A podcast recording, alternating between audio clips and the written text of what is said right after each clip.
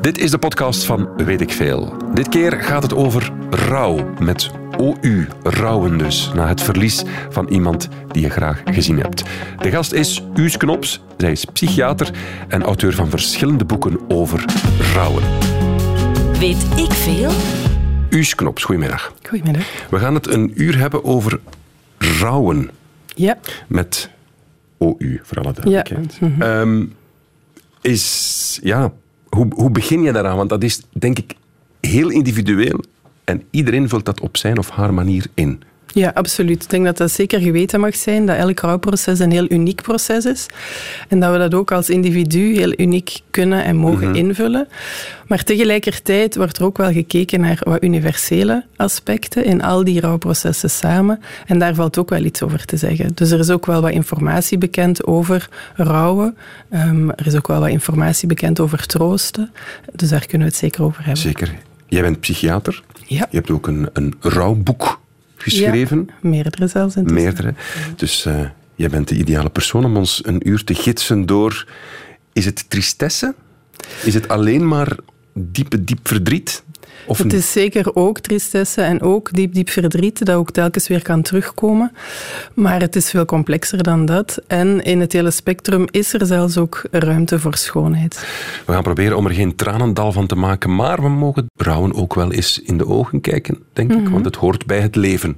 Het hoort bij het leven en niet alleen op 1 november. Dus ik ben ook wel heel blij dat we ook in volle, redelijk volle zomer eh, het over zo'n onderwerp mogen hebben. Ah, wel. Wat bezielt iemand om rouwexperte te worden of te zijn? Ja, er zijn verschillende redenen voor. En het is toch wel vaak dat dat vanuit een persoonlijke ervaring is dat mensen merken hoe betekenisvol het kan zijn om in rouw iemand te begeleiden. Ehm, voor mijzelf is het ook vanuit een eigen ervaring gekomen dat ik me meer en meer daarin ben gaan verdiepen. Er kwamen ook meer en meer vragen. En het eh, moet nu lukken dat ik graag nadenk. En dat ik dat ook wel heel interessante vragen vind, waar de antwoorden niet altijd zo voor de hand liggend zijn. Dus ik voelde mij wel uitgedaagd om dieper na te denken en meer expertise op te bouwen in het thema. Eh, je zegt persoonlijk verhaal, mag ik daar naar vragen? Ja, zeker. Ehm, net zoals vele anderen praat ik ook nog steeds graag over ehm, Casper, mijn broer, eh, die overleden is intussen een tijdje geleden. Hij was afgestudeerd als geograaf en samen met een studiegenoot wilde ze nog graag een lange reis maken, zo tussen het eh, diploma en het, werk, of het, het nieuwe werk in. Dus zij trokken naar Venezuela. Mhm. Eh, dan spreek ik over november eh, 2005. En onderweg hadden we fijn en veel contact met hen en hadden ze de reis van hun leven. En toen ontbrak het contact aangekondigd, omdat zij de bergen introkken en er is geen wifi. Maar dat contact bleef uit.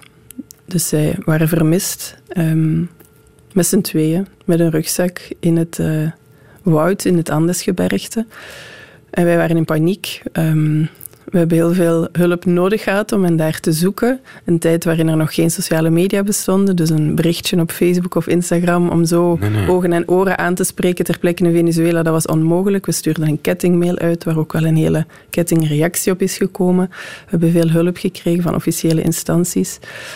Maar we moesten blijven zoeken, want we vonden hen niet. En in het begin wil je hen dan levend en wel kunnen vinden en droom je van een eh, terugkomfeest. Eh, ondertussen, of na een tijdje, bedenk je dan van ja, ze zijn gekwetst. Hè, laat ons in de ziekenhuizen zoeken of misschien zijn ze ontvoerd.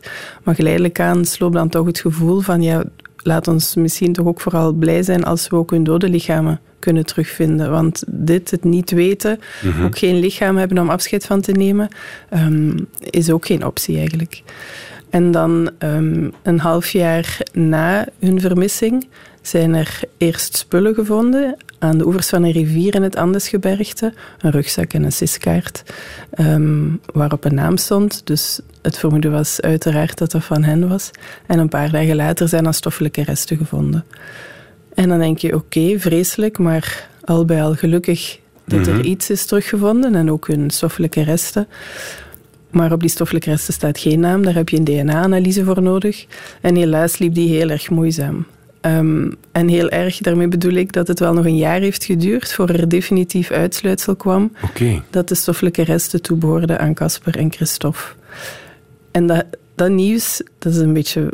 Dat is iets heel bizar. Hè? Je zit een jaar lang te wachten op vreselijk nieuws dat je nooit wil horen, maar dat je eigenlijk toch wil krijgen. Want dat maakte ook dat wij dan die volgende stap konden zetten. Dat je aan het rouwproces kan beginnen? Ja, dat is een vaak gestelde vraag. En zeker begint er dan iets anders, maar op voorhand zijn wij, waren wij ook wel al aan het rouwen. Men noemt dat dan anticipatoire rouwen. Je bent op voorhand daar al wel mee bezig. En als ik helemaal terugkijk, nog voor er stoffelijke resten waren gevonden, waren er zeker ook momenten dat ik echt al aan die optie dacht. Uh, zodra er dan stoffelijke resten waren, kon, je, of kon ik me nog permitteren om wat heen en weer te bewegen tussen hoop en wanhoop. En mhm. dan is het brein heel inventief in het vinden van allerlei hypotheses. En dan dacht ik, ja, ze hebben daar een schapenkadaver achteraan gesmeten. Dat is niet Casper en Christophe. Um, het menselijk brein is creatief op zo'n moment. Ja, absoluut. Dat zoekt naar oplossingen. Hè. Dat, daar, we willen dan een oplossing vinden of, of een hypothese die het hoopvoller maakt. Maar diep van binnen, ja, weten we soms meer dan ons brein weet. Hè. Ons hart voelt dan veel meer aan mhm. wat er eigenlijk aan het gebeuren is. En het moment dat er dan bericht kwam dat de stoffelijke resten van hen waren, was ook het moment dat ze konden gerepatrieerd worden. Want zo lang waren zij nog altijd in Venezuela natuurlijk. Mhm. En dat was ook uiteraard een heel belangrijk element in ons rouwproces, dat de stoffelijke resten zijn gekomen.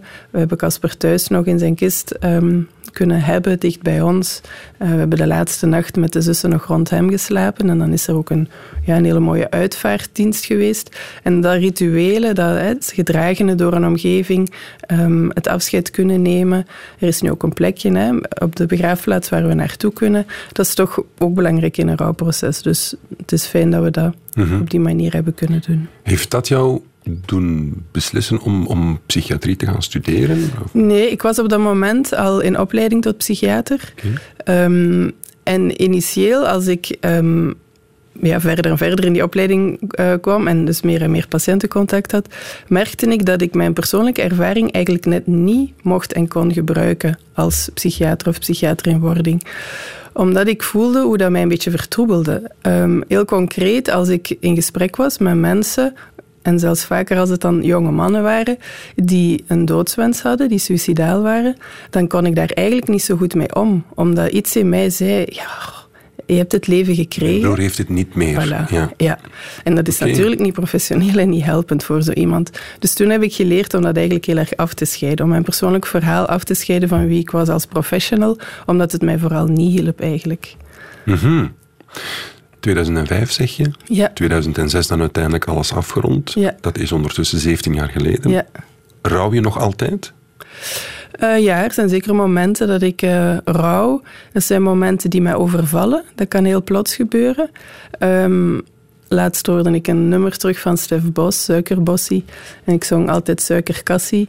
Um, onderweg van huis naar Gent, waar ik woonde tijdens de verdwijning. En dan voelde ik ineens hoe ik echt diep, diep geraakt werd en kwamen de tranen terug. Mhm. Maar anderzijds ook bijvoorbeeld op 23, 23 november, dat is zijn sterfdatum, dat is een dag dat ik altijd verlof neem. En dan ga ik helemaal voor mijn verdriet, voor helemaal terug voelen... Um, ja, wat ik nu te voelen heb, um, dan ga ik voor dat gemis en dan doe ik iets wat op dat moment past voor mij of symbolisch is. Bijvoorbeeld naar de Kalmthoutse Heide, want daar had Casper zijn thesis over geschreven. Weet je iets wat dat er in mij opkomt dan? Maar dan regisseer ik het een beetje. Dat is voor mij echt het moment waarop het er mag zijn. Ehm, en dat doet mij deugd. Dat is wel moedig om dan het monster in de ogen te kijken. Ja. Ik denk dat heel veel mensen net die dag veel zouden plannen om er vooral niet aan te denken en niet in het monster ja, en dat is ook oké. het is niet omdat ik dat zo doe dat dat voor mij helpend is, dat dat een norm moet zijn. Uh, wat ik fijn vind is, ik deel daar ook over op Instagram, dat het mensen ook net kan inspireren, die dan zeggen, ah, maar het kan dus ook zo. Of ah, ook zelfs 15 jaar na datum uh, is dat een moment waarop dat je toch nog verdriet mag hebben, nog iets kunt doen, mensen bij kunt betrekken. Um, maar anderzijds zijn er ook mensen die zeggen, ja, dat is voor mij te pijnlijk, dan ga ik te diep, daar ben ik nu nog niet aan toe.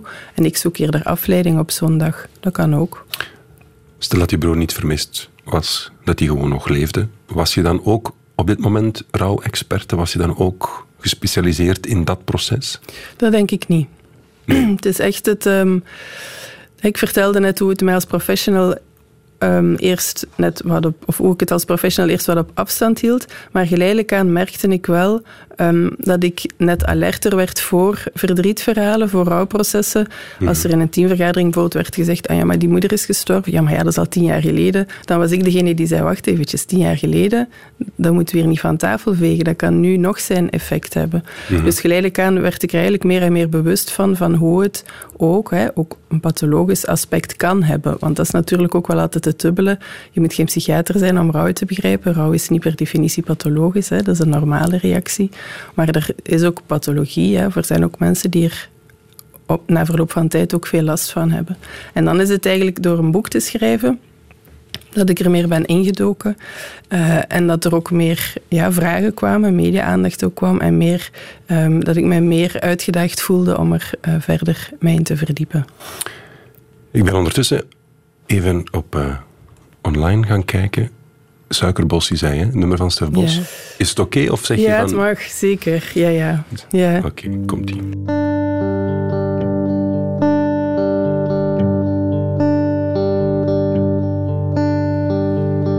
Ik laat het noorden achter mij. De lage vlakte achter mij. Ik laat mijn land voor wat het is. Mijn huis, mijn hart en mijn bezit. En ik volg het spoor van oude schepen. Ver voorbij de evenaar ik volg het spoor van wie mij lief is.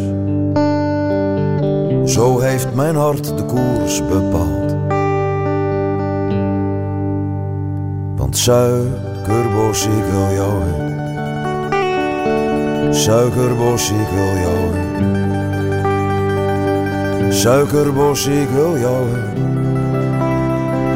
Wat ook jouw ma daarvan zal zijn dan loop ons dalk zo onder door die man. Loop ons dalk zo onder door die man. Loop ons dalk zo onder door die man. Ik en mijn suikerbosjes aan. Ik zoek van die ochtend tot die hand. En ik weet dat zij ergens moet bestaan ik zoek van Pumalanga tot kaart. En als het moet, dan loop ik naar de maan. Want suikerbos, ik wil jou heen. Suikerbos, ik wil jou heen. Suikerbos, ik wil jou heen. Waar ook jouw ma daarvan zal zitten dan loop ons dalk zo onder door die man. Loop ons dalk zo onder door die man. Loop ons dalk zo onder door die man. Ik en mijn suikerbosje samen. Ik en mijn suikerbosje samen. Loop ons dalk hier onder door die man. Want ik zei jou, dat is dat waarom die leven gaan. Jij en jouw suikerbosjes gaan. Jij en jouw suikerbosjes. Je hebt daarnet het verhaal verteld over je broer die vermist was. Ja. 2005, 2006. Ja. Uiteindelijk bleek hij overleden. Mhm. En je verwees naar het nummer Suikerbossie van Stef Bos. Ja. welke context precies? Wel, ik luisterde daar vroeger naar als ik uh, in het ouderlijk huis was om bezig te zijn met de vermissing in uh, Vosselaar, in de Kempen. Had ik nadien altijd een rit naar Gent, waar ik woonde. En dan luisterde ik vaak uh, onder andere naar deze cd van Stef Bos. En bij Suikerbossie maakte ik daar altijd van Suikerkassie, omdat Casper Cassie was voor ons. En er zijn een paar zinnen uit de tekst die er helemaal niks mee te maken hebben. Dat maakte dan ook niet zoveel uit. Maar een aantal andere zinnen die gaan over zoeken en vinden. Mm dus dat was voor mij erg waardevol. En uh, ik mocht uh, vorige week uh, Stef Bos ontmoeten en met hem praten in zijn studio. En ik vertelde hem dat in de waarde van dat nummer voor mij. En we hadden het over het feit hoe dat muziek zo kan raken en jou zo in, in vervoering kan brengen op een onverwacht moment of daar waar woorden tekortschieten. Um, en hij zei, ja, dat heeft te maken met G. Dat staat in G, denk ik, wacht even. En hij staat recht. En hij zet zich aan zijn piano. En ik heb daar een één minuut durend privéconcert gekregen. De wereld stopte met draaien. En het was een heel erg uh, prachtig cadeau. Weet ik veel gaat vandaag over rouwen met uh, psychiater Us Knops. Programma dit jaar, prachtig programma over rouwen, was Boris op Play 4. Op het moment dat ik mijn broer er heb bijgehaald, voelde ik mij niet zozeer emotioneel, maar vooral heel onzeker. Maar ik zag ook eh, aan de anderen dat ze op hun ongemak waren. Jeroen die vertelt over het feit dat hij dus rondliep met de as van zijn overleden broer. Wat ook zijn manier van rouwen zal zijn, want het gaat vandaag, en weet ik veel, over rouwen, dat dat heel individueel is, hebben we al geleerd, Us, maar dat het eigenlijk ook universeel is. Mhm. Dat er dus wel dingen zijn die, die we allemaal gemeenschappelijk hebben in dat rouwproces. Ja. Wat, wat dan precies? Wat dan precies? Ja, wat, wat is er gemeenschappelijk? Want iedereen doet het heel individueel. Ik, ik zou persoonlijk nooit met de as van mijn mhm. overleden broer rondlopen, denk ik. Ja. En toch, vanuit dat programma antwoordend dan, um, merkte je, of merkte ik alleszins, hoeveel dat deed bij rouwende mensen en hoeveel mensen zich daarin herkenden. Mhm. En dan ook wel daarin hun eigen vergelijking zagen. Sommige mensen laten de assen tatoeëren bijvoorbeeld en dragen op die manier uh, hun overleden dierbare met zich mee of dragen het mee in een juweel of zo. Dus in die zin waren er op dat vlak dan parallellen. Um, maar ook de manier van omgaan met de rouw, de, de plaats die humor er ook heeft. Uh, dus dat programma zelf bracht dat alleszins op een heel prachtige manier mm -hmm. uh, teweeg. De eerste lach op de koffietafel is zo'n opluchting soms. Hè? Ja, en die lach mag zelfs al tijdens de uitvaart uh, plaatsvinden. Ja. Ook, dat, ook dat kan. Maar om op dat universele stuk terug te komen, als we kijken, zijn er heel wat mensen die daarover nagedacht hebben en die formuleren dat dan in modellen. En een van de eerste en oudste modellen, die misschien wel een belletje doet rinkelen, is de fasetheorie van Elisabeth Kubler-Ross. En zij heeft eigenlijk omschreven dat als je rouwt, dat je een aantal fases doorgaat. Mm -hmm. Daar valt heel veel over te vertellen, dat zou mij nu te verleiden. Um, maar, dat zijn de, maar intussen is gezien dat we eigenlijk niet meer zo volgens die fases denken, dat die theorie eigenlijk toch niet zo klopt. Het jammer is dat we wel vaak uh, dat nog in de mond nemen, dat we het nog steeds hebben over fases en dat we na de ontkenning woede uh, krijgen, uh, onderhandelen, depressie, um, voordat je eigenlijk maar kunt gaan accepteren.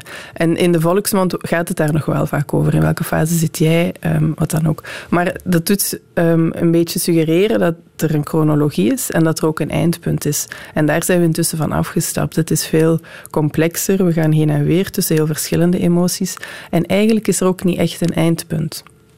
Nochtans, er wordt gezegd, je moet dat verwerken. Ja, en, ook daar is veel over te zeggen, of, je, of dat het juiste werkwoord is of niet. Ik heb daar op zich niet zo'n probleem mee, want in het begin gaat het wel echt over rauw arbeid en over hard werken. Mm -hmm. En er komt voor vele mensen een punt waarop dat de rouw niet meer zo in de weg staat.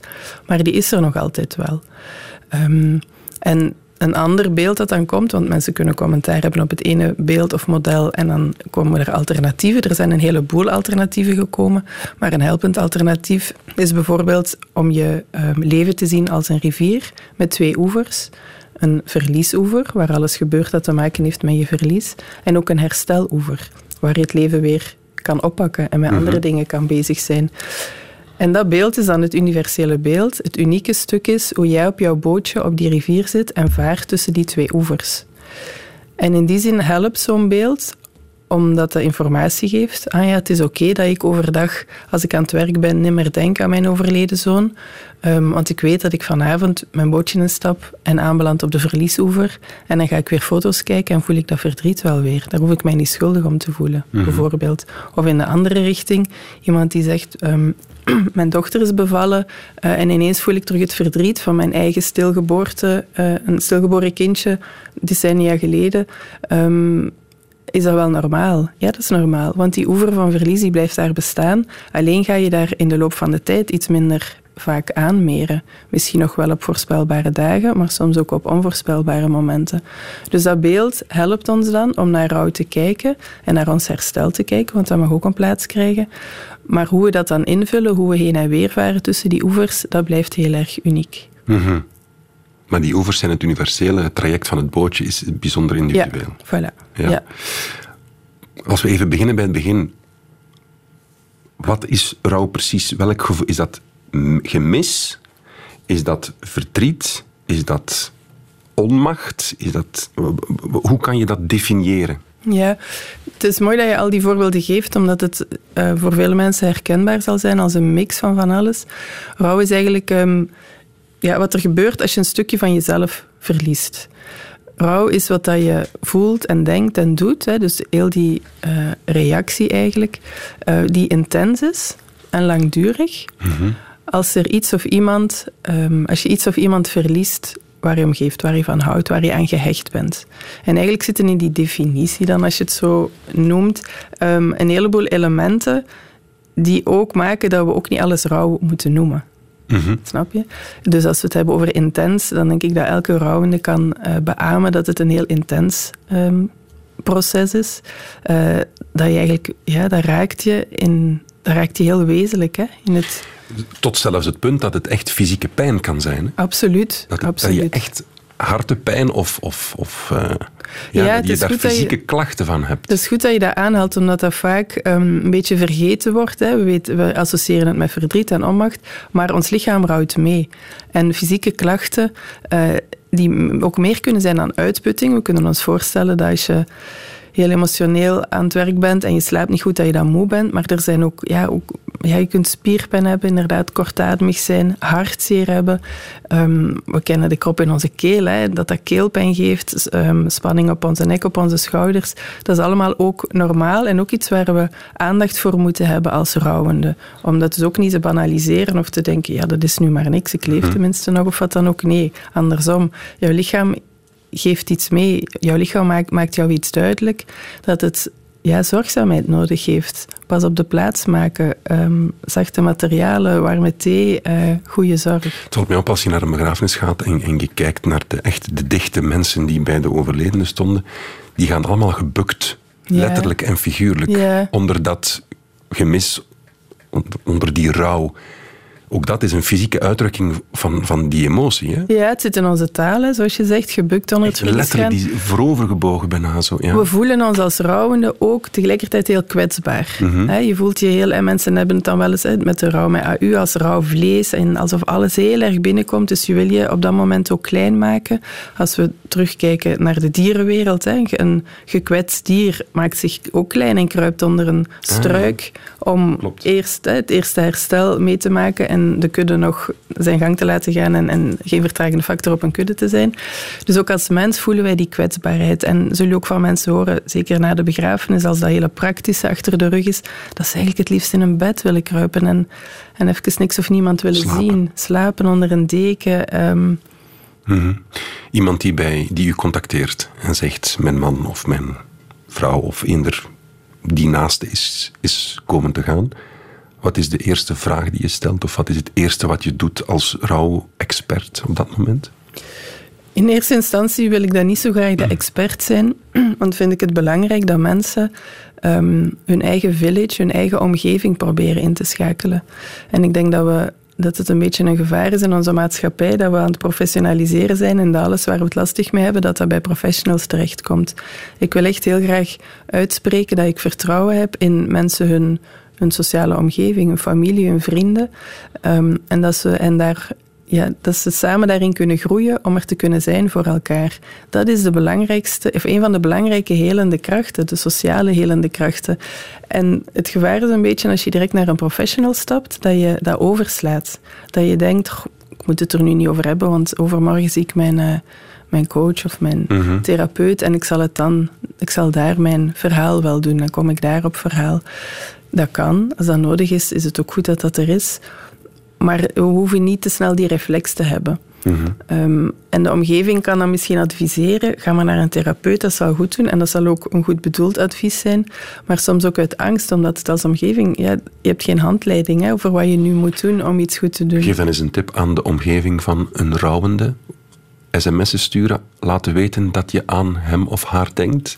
Sterkte ja. sturen, veel sterkte, xxx, dat sms'je, dat telefoontje. Ik kan veel doen en um, het is fijn om hier op Radio 1 te zijn, want wat is jullie slogan? daar zit niet alleen een mercantiele waarde in, Mhm. maar ook zeer veel wijsheid. Alles begint bij luisteren. Voilà, ja. Eh, ik vind het altijd fijn als ik naar de radio luister en ik hoor die zin weer. Dan denk ik, yes mensen, hebben jullie het allemaal gehoord? Want Mhm. zeker bij ja, alle soorten mensen in nood hè, is dat luisteren zo belangrijk. En als trooster denken we dat dat, dat luisteren dat dat maar een detail is en dat we er moeten staan met wijsheden. En, Kan ik iets doen? Ja, voilà. Ja. En ook ja, wijsheden van eh, ze- ehm, what doesn't kill you makes you stronger. Je moet het een plaats geven. En dan komen we met dat soort dingen. Mijn die grootmoeder zei toen ik mijn eerste relatiebreuk had, er komen altijd schoenderboetjes aan in de haven en dat er vertrekken. Dat is ook zo'n zin dat je denkt, ja, wat moet ik daarmee? Op dat moment kun je daar niks mee. Maar vaak hebben die zinnen wel een grond van waarheid. Maar hangt het af van de timing waarop je die te horen krijgt, of je ze kan laten binnenkomen of niet. Mhm. En ook hoe jij ze interpreteert dan. Hè. Ehm, maar dus vaak denken troosters, oei, we moeten hier nu met de zin komen. Of oei, ik weet wat ik nu allemaal nimmer mag doen. Hè. Doordat het er vaker over gaat, worden mensen ook een beetje angstig van ik ga hier misschien nog het verkeerde doen. Want ik heb gelezen dat je iets niet mag zeggen, maar wat was dat ook Mhm. alweer? En dan zal ik maar zwijgen. Ehm, maar eigenlijk, als je met een hele goede eh, intentie er wil zijn voor iemand, als je dat ook wil zien als een kans om te grijpen, om er eh, in alle ja, aandacht en liefde voor iemand te zijn, kun je niet zo heel veel misdoen. Die intentie zal zeker gevoeld worden door de rouwende. En zinnen als, het komt allemaal wel goed, heb je daar, scoor je daarmee of eigenlijk net niet? Ja, Dat zijn zo holle woorden soms, maar ja, soms is het ook gewoon heel awkward om het juiste te zeggen. Of, Ja. of, of- Het is daarom dat ik liever of, of meer adviseer om te zeggen van vertel eens. Wat voor iemand was je papa? Hoe ga je missen? Waar heb je nu iets aan? Wat geeft jou troost? Want als we eventjes teruggrijpen naar het begin van het gesprek, we zijn het erover eens dat rouwen heel uniek is. Maar laat ons het er ook over eens zijn dat troost en getroost worden ook heel uniek is. Dus er zijn geen dingen die voor iedereen werken. Het is aan jou als trooster om mee op zoek te gaan, samen met degene die je wilt troosten. Want ook die weet het in het begin ook nog niet. Hè. Wat brengt mij nu troost? En ook dat kan variëren in de tijd. Dus dat proces samen aangaan is daarin belangrijk. Ehm, en als je het dan hebt over die zin, eh, het komt wel goed. Doet mij denken aan Suzanne Heelhorst, een auteur uit Nederland, die ik laatst op de eh, radio hoorde vertellen van bij het overlijden van haar tweede kindje, dus twee kindjes op rij zijn overleden vlak na de bevalling, zei de pediater of gynaecoloog zelf ook in tranen van, maar jij gaat dit kunnen. En dat was voor haar een zin waar ze de rest van wat er volgde een beetje aan heeft opgehangen, wat haar heel erg sterkte. Maar toen ik haar dat hoorde zeggen, dacht ik ook, voor hetzelfde geld zit er nu iemand te vertellen. En weet je wat, die arts die zei, jij gaat dat kunnen, die heeft me helemaal miskend in mijn verdriet. Zo ongeplaatst, ehm, zo misplaatst. Dus het is heel relatief wat je zegt. Je kunt inderdaad de verkeerde dingen zeggen. Maar eerst luisteren, iemand op verhaal laten komen en al al komt dat verhaal een paar keer naar elkaar, want dat is zo soms. Hè. In het begin heel gedetailleerd, over uren en, en hè, heel, eh, de details komen dan heel veel mis terug. Dat doet in eerste instantie al heel veel deugd. En dan zou het fijn zijn dat we niet meer met z'n allen sterkte toewensen, maar dat we daar eens kijken of er geen alternatief is. Ehm, als in, ik denk dat je elkaar liever warmte wil toewensen of troost ehm, of mooie herinneringen dan ja, allemaal sterktes en zwarte hartjes naar elkaar bijvoorbeeld hè, op de sociale media. ja, want veel sterkte impliceert eigenlijk van, kom aan, vecht, vechten je. Kracht, Ja. Wees krachtig, terwijl Ja. eigenlijk wil je als rouwende, je wil niet altijd krachtig zijn. Voilà, en Je wil niet altijd sterk zijn. Nee, het is een mooi detail dat je zegt niet altijd, want soms moet je sterk zijn. Dus Mhm. het is ook niet dat dat een helemaal absurde toewensing is.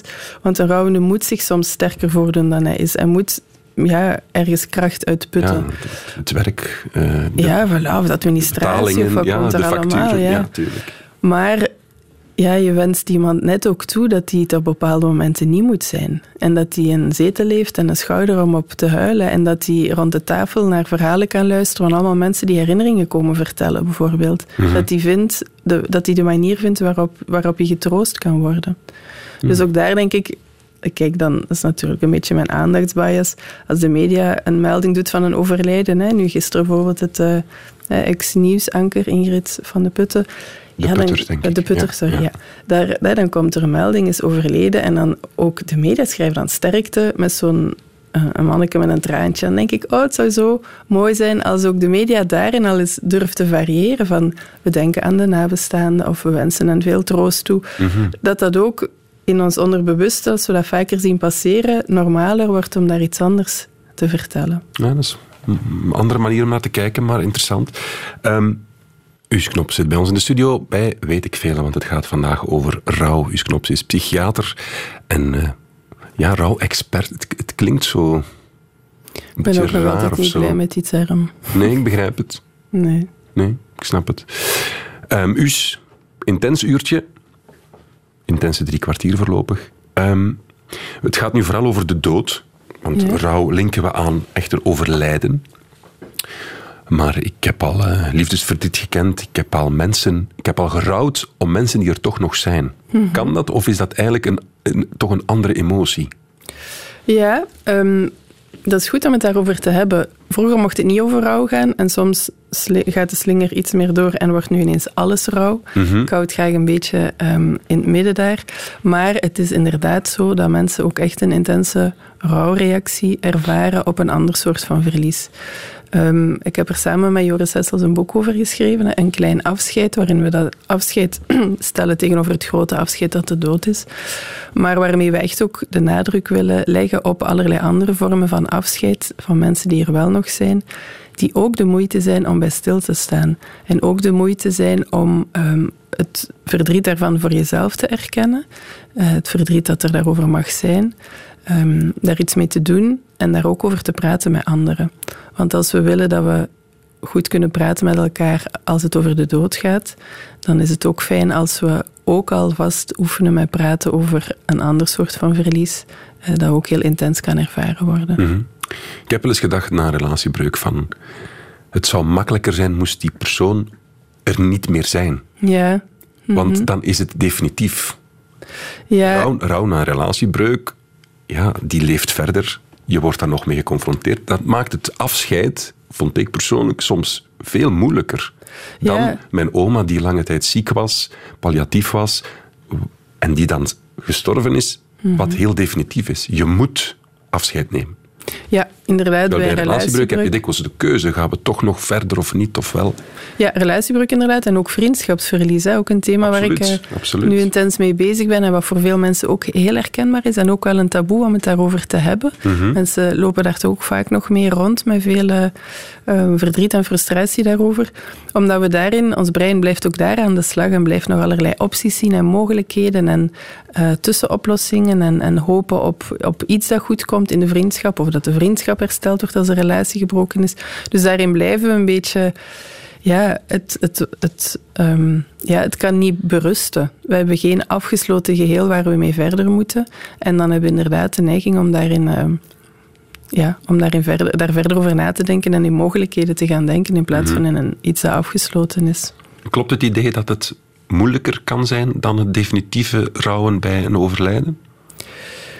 Of is dat appelen met peren vergelijken? Ja, dat is inderdaad moeilijk te vergelijken. En waar ik ook nog eventjes op wil terugkomen is dat we ook moeten oppassen dat we niet alles rouw gaan noemen. Mhm. Um, omdat dat soms ook wel wat... Um, uh, ik ga het anders zeggen. Ik denk dat we als maatschappij oog, ook oog moeten hebben voor verdriet. En als iemand verdrietig is om een relatiebreuk, als iemand verdrietig is om een hond die gestorven is, um, als iemand verdrietig is om een hele heftige um, ontslag bijvoorbeeld, dan mogen we er ook zijn als omgeving. Soms is het zo, lijkt het wel alsof we het rouw moeten noemen om dan pas die erkenning te krijgen. Dan wordt het serieus genomen en dan ineens mag er meer aandacht naar gaan. Hè? Alsof het woord rouw ook een beetje onderhevig is aan inflatie, net zoals het woord trauma. Zodra je een heftige ervaring hebt en je noemt het trauma, dan wordt er meer gekeken of is er meer Mhm. aandacht voor. Dus Ja, ja dat, sorry dat ik je onderbreek, maar klopt wel. Liefdesverdriet wordt zo in een soort flair uh, gegooid. Dat, is Ja. wel- dat is een flair-emotie. Ja. En rouw is, ja, dan is het echt... Ja, vertel eens. Ja, Ja, ja, ja, oké, ja, ja, En dan staan mensen erbij stil. En dan snap ik dat als je het rouw moet noemen en je krijgt dan de erkenning dat dat zo doorgaat. Maar daarin is eerder dan zo mijn oproep naar de mensen van het hoeft... Het is eigenlijk erg dat het pas aandacht krijgt als het rouw is. Het hoeft niet rouw te heten om erkenning voor te krijgen. Ook voor verdriet mag er eh, erkenning zijn en daar mag je het samen over hebben. Ook met kinderen bijvoorbeeld. Hè. Met kinderen, als we denken aan hoe, omgaan met kinderen en rouw, leer hen ook al eens om verdrietig te zijn als kind. Leer hen om verdrietig te zijn als ze hun lievelingsknuffel verliezen. In plaats van zelfs via de kanalen van onze nieuwsdiensten het verspreiden van oproepen dat er in een bepaald park een bepaalde knuffel kwijt is en of iemand die gevonden heeft of misschien identiek dezelfde knuffel nog thuis heeft liggen. Ja, nee, dat willen we toch niet. We willen toch ons kind... Nee, we willen dat eigenlijk niet, dat ons kind verdrietig is. Maar op lange termijn willen we dat moeten we dat wel willen. Moeten we ons kind leren, dit is verdriet en dat mag er zijn. het leven. Voilà, het hoort erbij en dat is lastig. Maar dat gaat ook wel voorbij, dat wordt ook wel zachter. Jij gaat dat kunnen, om nu met dat verdriet om te gaan. Eerder dan, we willen dat vermijden en er moet hier heel snel een uh, knuffel in de plaats komen. Ik lees dat er wordt gesuggereerd om het kind bijvoorbeeld de kist te laten beschilderen. Ja. Meen je dat echt? Ja. Vind je dat gek? Ja, wel. omdat het zo... Ja, ik weet niet waarom. Hè. Ik kan niet uitleggen waarom ik dat gek vind, maar dat lijkt me wel heel raar of zo. Ja. Maar niet dus. Dat heeft een, een, een, een goed effect. Ja, wel, vroeger werden kinderen eigenlijk niet betrokken bij een afscheid. Um, gingen ze logeren en konden ze terugkomen als alles achter de rug was. Daar, worden, daar stappen we echt vanaf. Het is echt veel um, wenselijker om kinderen op kinderniveau te betrekken bij het afscheid. Zij rouwen ook. Zij maken ook van alles mee op hun niveau.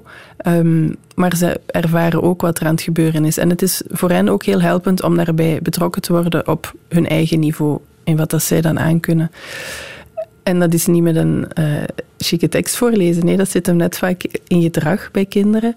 En als ze dan kunnen bijdragen door ja, met die kist bezig te zijn, door daar tekeningen in op te hangen of hè, de handjes van de kleinkinderen bijvoorbeeld op de kist van opa of oma. Het mooie is dat er tegenwoordig heel veel mogelijkheden zijn op dat vlak. En vroeger was een begrafenis in de kerk en klassiek en ja, je kiest een kist uit een catalogus en misschien nog net de keuze van de handvaten en dan had je het zo wat gehad. Maar intussen zijn er zoveel hele ja, mooie, goede mensen bezig um, met allerlei keuzemogelijkheden op vlak van afscheid nemen, die het ook veel mooier maken, veel persoonlijker maken, soms mm. ook duurzamer, waardoor dat er een grotere groep mensen betrokken is bij een veel mooiere vorm van afscheid, die veel dichterbij komt bij de mensen die afscheid nemen, maar die ook veel persoonlijker is voor degene die sterft. En een afscheidsproces dat zo kan starten op zo'n ja, harmonische, intense manier, waar mensen eigenlijk nog graag op terugkijken, is een veel mooier. Allee, is het begin, is een mhm. mooier begin van een uh, proces. Ik moet daarbij dan denken aan zo de. Als je uh, op reis foto's maakt, nu denk je, oei, wat voor bochtje maakt ze nu? Uh, in de golden hour, hè, de mhm. zon die nog net niet ondergaat, maar wel een speciale gloed geeft. Als je die gloed kunt teweegbrengen, net voor de zon ondergaat, net voor die persoon echt ja, definitief vertrokken is, er komt donkerte nadien. Dat moeten we ook niet ontkennen. Maar als je die, die gouden gloed samen kunt beleven, dan hebben we het eigenlijk over afscheid in schoonheid, waar we het in het begin over hadden. Hè? Dat er naast die, dat intense verdriet en die pijn toch ook wel plaats kan zijn voor schoonheid. Het doet me een beetje denken, um, we hebben een familielid begraven, tussen aanhalingstekens, in de coronaperiode, wat onmogelijk was, want dat was een heel afstandelijke bedoeling op het kerkhof zelf. Mm en dat heeft het rouwproces geen deugd gedaan. Nee. Nee, helaas zijn daar ja, beslissingen genomen die op dat vlak heel nefast zijn dus golden hour is er voor heel veel mensen die twee jaar dat het niet mocht, of dat anderhalf jaar, echt niet geweest. Nee. En, en, nu dat je dat zo vertelt, eh, ik heb het zelf ook meegemaakt. En, en, dat was, want die begrafenis of, of, of een crematorium of een kerk doet, dat is wel een essentieel deel van, van het rouwproces. Dat is wel een soort afronding. Hè? En als, je dat, als dat wordt afgenomen, oeh. Ja, dat is heel jammer en heel traumatisch geweest voor veel mensen. Die, ja, die beslissingen toen zijn ter goeder trouw genomen, maar dat symboliseert wel een beetje hoe somatisch gericht onze maatschappij is en hoe we in functie van het lichaam um, beslissingen hebben genomen. Het mooie is wel dat als het echt lastig blijft in, in, in jouw groep van mensen, dat je wel alsnog een soort van ritueel kunt doen. En dan is het rond de foto in plaats van rond de kist bijvoorbeeld, dat je dat wel op een manier dat kunt goedmaken of, of een tweede ritueel kunt doen waar, waar je je beter bij voelt. Mm mensen die aan het luisteren zijn, gaan zich ongetwijfeld herkennen in wat er gezegd is, want iedereen mhm. komt er vroeg of laat mhm. met in aanraking. Maar mensen die nog in een rouwproces zitten of mensen die in de buurt leven van iemand die aan het rouwen is, wat zou je willen zeggen aan hen? Wel, dan wil ik hen graag meenemen in het volgende beeld, namelijk dat je als rouwende een kluwe voor je hebt liggen, um, waar jij een rouwtouwtje uit te spinnen hebt. Een rouwtouw dat het verhaal inhoudt van wie jij moet loslaten, maar met wie je via dat touwtje ook nog steeds verbonden zal blijven. Een rouwtouw dat je hebt verweven in het vlechtwerk van je leven. Want je bent meer dan alleen je rouwtouw. Er zijn nog altijd touwtjes van wie je bent als partner, als uh, iemand met een passie en een hobby, iemand die een job heeft. En die touwtjes die mogen ook aandacht krijgen. Dat is niet erg, dat mag. En het andere touw, het rouwtouw, zal altijd verbonden blijven in jouw vlechtwerk. Je laat dat niet los als je ook met andere dingen bezig bent. Dus het is aan jou om dat vlechtwerk te maken. En ik hoop heel erg dat je dat vertrouwen hebt, dat jou dat lukt om de ene keer dat touwtje wat meer aandacht te geven en de andere keer verdwijnt het misschien wat meer naar de achtergrond. En als omgeving helpt het ook om de rouwende op die manier te zien en om hem of haar te steunen om die andere touwtjes aandacht te geven, maar om ook te steunen in aandacht te geven aan het rouwtouwtje. En dan kan je in plaats van mee leven, eigenlijk ook mee weven. Mhm, dat is mooi. We hebben jammer genoeg heel weinig tijd, maar laatste vraag. Kan je een deadline zetten op rouwen? Je eigen dood. Eigenlijk draag je het mee. En zijn er altijd momenten waarop het verdriet terug naar boven komt, waarop je terug een stekende pijn voelt. Mhm. Als we bedenken dat rouwe liefde is, dan wil je die liefde levenslang blijven voelen voor degene die er niet meer is. En dan nemen we dat mee in ons graf. Mag ik u danken voor dit uur, weet ik veel. Dank u wel voor de uitnodiging. Weet ik veel. Radio 1. Dit was de podcast van Weet ik veel. Er is nog veel meer keuze aan interessante podcasts. Alles te bekijken en te beluisteren via VRT Max.